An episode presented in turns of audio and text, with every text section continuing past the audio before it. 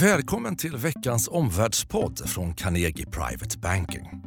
Klockan är 10.11. Det är torsdag den 24 januari. Det är ju så att eh, optimismen sedan årsskiftet har ju i varje fall delvis återvänt till världens finansmarknader som nu trotsar både en del dystra konjunktursignaler, definitivt Brexit-oron, dessutom dödläget i Washington. Eh, börserna uppåt. Vi ska prata läget eh, på Stockholmsbörsen. Specialformat idag i Omvärldspodden. Vi pratar med vår aktiechef David Karlsson om läget inför rapportsäsongen på Stockholmsbörsen. David, eh, börsen i år då upp med 5 eh, lite drygt. Som aktiechef så är du förstås mitt i marknaden. Vad är ditt omdöme om läget på Stockholmsbörsen just nu? Ja, alltså vi har ju sett ett förändrat beteende bland placerare senaste tiden. Och det har varit trots hot, om det har varit handelskrig, politisk osäkerhet, vi har haft en amerikansk shutdown. Och börserna har handlat väldigt starkt i inledningen på året. Mm. Och inte minst i USA, då har vi haft närmast ett, ett rally Januarirally. Ett januarirally. Mm. Och jag menar, det här spiller över positivt på sentimentet. Och eh, jag tror att börsen kommer att utvecklas positivt på kort sikt. Mm. Men den, den poängen som, som, som jag också vill göra är att vi, vi, vi kommer att betrakta det här som en återhämtning inom ramen för det som är en bear market. Mm och, och liksom använda styrkan till att minska exponering snarare. Mm, intressant. Utvecklas positivt på kort sikt säger du. Eh, det här skiftet eh, i sentiment mellan slutet på december och starten då på januari.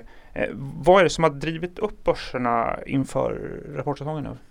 Alltså, vi, vi, den, den, större nedgången vi har haft på börsen om man tittar, om man backar lite grann, om man tittar på sedan toppen i oktober. Mm. Det har skapat intressanta lägen. Det är ju ett. Och i, i takt med att värderingen har normaliserats har intresset för att återbesöka marknaden ökat. Mm. Vi har haft en stark börs, det, det, skapar ett positivt sentiment vilket leder till en, en ökad riskvilja. Mm. Det blir snabbt ett, ett, ett eh, flockbeteende.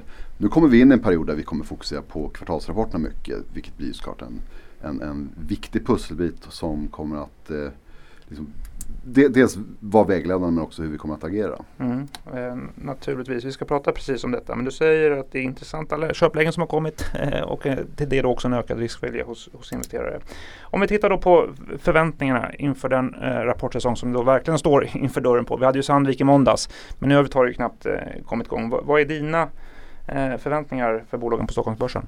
Ja men precis, vi har precis kommit igång. Vi har knappt sett några rapporter ännu men vi kommer att se starka vinster. Vi kommer att se starka rapporter generellt med, med en positiv vinsttillväxt. Som en, som en ögonblicksbild förväntar vi oss en vinsttillväxt på 7% och då tänker jag svenska storbolag aggregerat. Mm. Men den tillväxten kommer sannolikt att minska under året. Tittar man sedan toppen i oktober så har vinsterna redan justerats ner med cirka 4%. Mm, vilket är en ganska stor justering trots allt. Och sen tror jag att det finns utrymme för att de här kommer kunna sänka, eh, de här vinstautomaterna kommer komma ner ytterligare. Mm. Och det är utanför den saken skulle att det kommer innebära en, en, en recession. Så utsikterna i Q4-rapporterna kommer ge oss en, en, en, en, en viss indikation på, på hur eh, landet ligger. Mm. Eh, på de här nivåerna tar börsen höjd för, för lägre vinster? Ja precis. I, det här läget så, så, gör vi det. Vi har ju diskonterat en, en, en, eh, en, en klart sämre vinstväxt under året. Eh, om vi får starka Q4-resultat då? Eh, blir det ytterligare lättnad på börsen? Alltså så här, vi, vi kommer att, det, det kommer vi fokusera på i utsikterna och eh, ett, ett starkt Q4-resultat i det här läget kommer nog inte kunna skapa en större lättnad i sig om bolag skulle guida för en inbromsning. Mm. Och eh, som sagt, kursnedgången som, som har varit redan tar ju höjd för viss inbromsning. Mm. Okej, okay. inför rapportsäsongen, vilka sektorer ser du att det finns skäl för investerare att eh, se upp med? Jag skulle säga att risken är störst i cykliska aktier. Det, där passar vi på att minska exponeringen här uppgången. Redan idag diskonterar man ju faktiskt ganska, ganska mycket elände som det är och i vissa aktier rent ut en, en, en påtaglig försämrad framtid. Samtidigt är det ju inom den här sektorn som risken är störst vid, vid en, en inbromsning i konjunkturen. Mm. Men såklart, det här, är ju, det här blir ju ett förenklat resonemang. Vi, vi, vi, ska liksom inte dra alla bolag över en kam. Selektivt kommer vi köpa verkstad som har kommit ner allmänna oron. Det kan till exempel vara leverantörer till grussektorn som har bättre utsikter om man arbetar mot fordonssektorn. Mm. Så vi befinner oss i en stockpicking-miljö men generellt risken störst i cykliska aktier. Mm. om vi tittar oss, flyttar från sektorer där du ser risker. Vilka sektorer ser du mest möjligheter eller är mest eh, optimistisk nu? Än så länge, vi har inte sett så många rapporter ännu men om vi tittar generellt nu så, så vi gillar defensiva sektorer. Vi, vi, gillar läkemedel, vi gillar teleoperatörer. Det, det är bolag som, som, som generellt trivs i det här klimatet. Det, det är mycket kapitalflöden, inflöden i de här sektorerna. Mm. Vi tycker också om kommersiella fastigheter ska jag säga. Ser mm. väldigt starkt ut. Och eh, sektorn har gått bra på börsen, till och med otroligt starkt. Mm. Inte minst inför Q4-resultatet. Vi har fått eh, nya all time high-noteringar i, eh, inför rapporterna. Mm. Och det begränsar förvisso uppsidan något. Ja. Men utvecklingen känns ändå motiverad. Och eh, ser man till, i termer av värderingsmultiplar så har inte de ökat så mycket på ett år. Så vi tror på starka rapporter och en, en fortsatt positiv utveckling. Och, och skulle man liksom grotta ner sig lite mer konkret i, i fastigheterna så stort tryck på kommersiella fastigheter, låga vakanser Samtidigt som vi vet att utbudet inte kommer att öka dramatiskt i närtid. Mm. Vilket bi bidrar ju också positivt till eh, värderingsförändringar till exempel. Mm.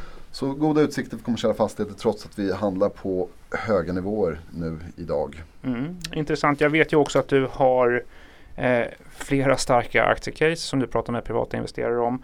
Om du ändå skulle försöka summera och ha en generell kort, eh, kort slutsats eh, om så att säga, läget inför eh, rapportsäsongen. Man kan väl säga så här att risken har ökat och den har ökat i den här fasen inte minst. Och vi handlar fortfarande inom ramen för en, en lite längre långsiktigt negativ marknad. Det finns en oro för recession, den håller tillbaka investeringar något. Men å andra sidan, vi har fortfarande låga räntor. Värderingen har normaliserats här nu senaste tiden, inte minst efter höstens kursfall. Så det finns, det finns ett utrymme här för, för, för en, en uppgång på börsen på kort sikt och, och inte minst här nu med, med, med stöd av eh, rapporterna som kommer in. Det, det är ett bra stockpicking-klimat och eh, vi kommer definitivt hitta bra köpkandidater i, i den här miljön. Spännande läge. Det kommer vi naturligtvis fortsätta följa här i Omvärldspodden. Tack för din medverkan David. Tack. Carnegie är ju varje dag en mötesplats för kunskap och kapital. Torsdagen den 14 februari från 17.30 arrangerar vi vår mötesplats Carnegie efter börsen. På scenen Leif Pagrotsky, eh, Adam Korstal från eh, Stockholm Nasdaq-börsen, Patrik Wallén, styrelseordförande i Volati. Eh, dessutom kommer Lena Haraldsson att lista aktier vi gillar just nu. I publiken gott om privata investerare och entreprenörer. Du är välkommen. Anmäl dig på carnegie.se eb. Tack för att du har lyssnat på Omvärldspodden från Carnegie Private Banking. Vill du veta mer om vad som händer i vår omvärld och få aktuella idéer till affärer? Gå då in på www.carnegie.se veckans viktigaste och prenumerera på vårt nyhetsbrev.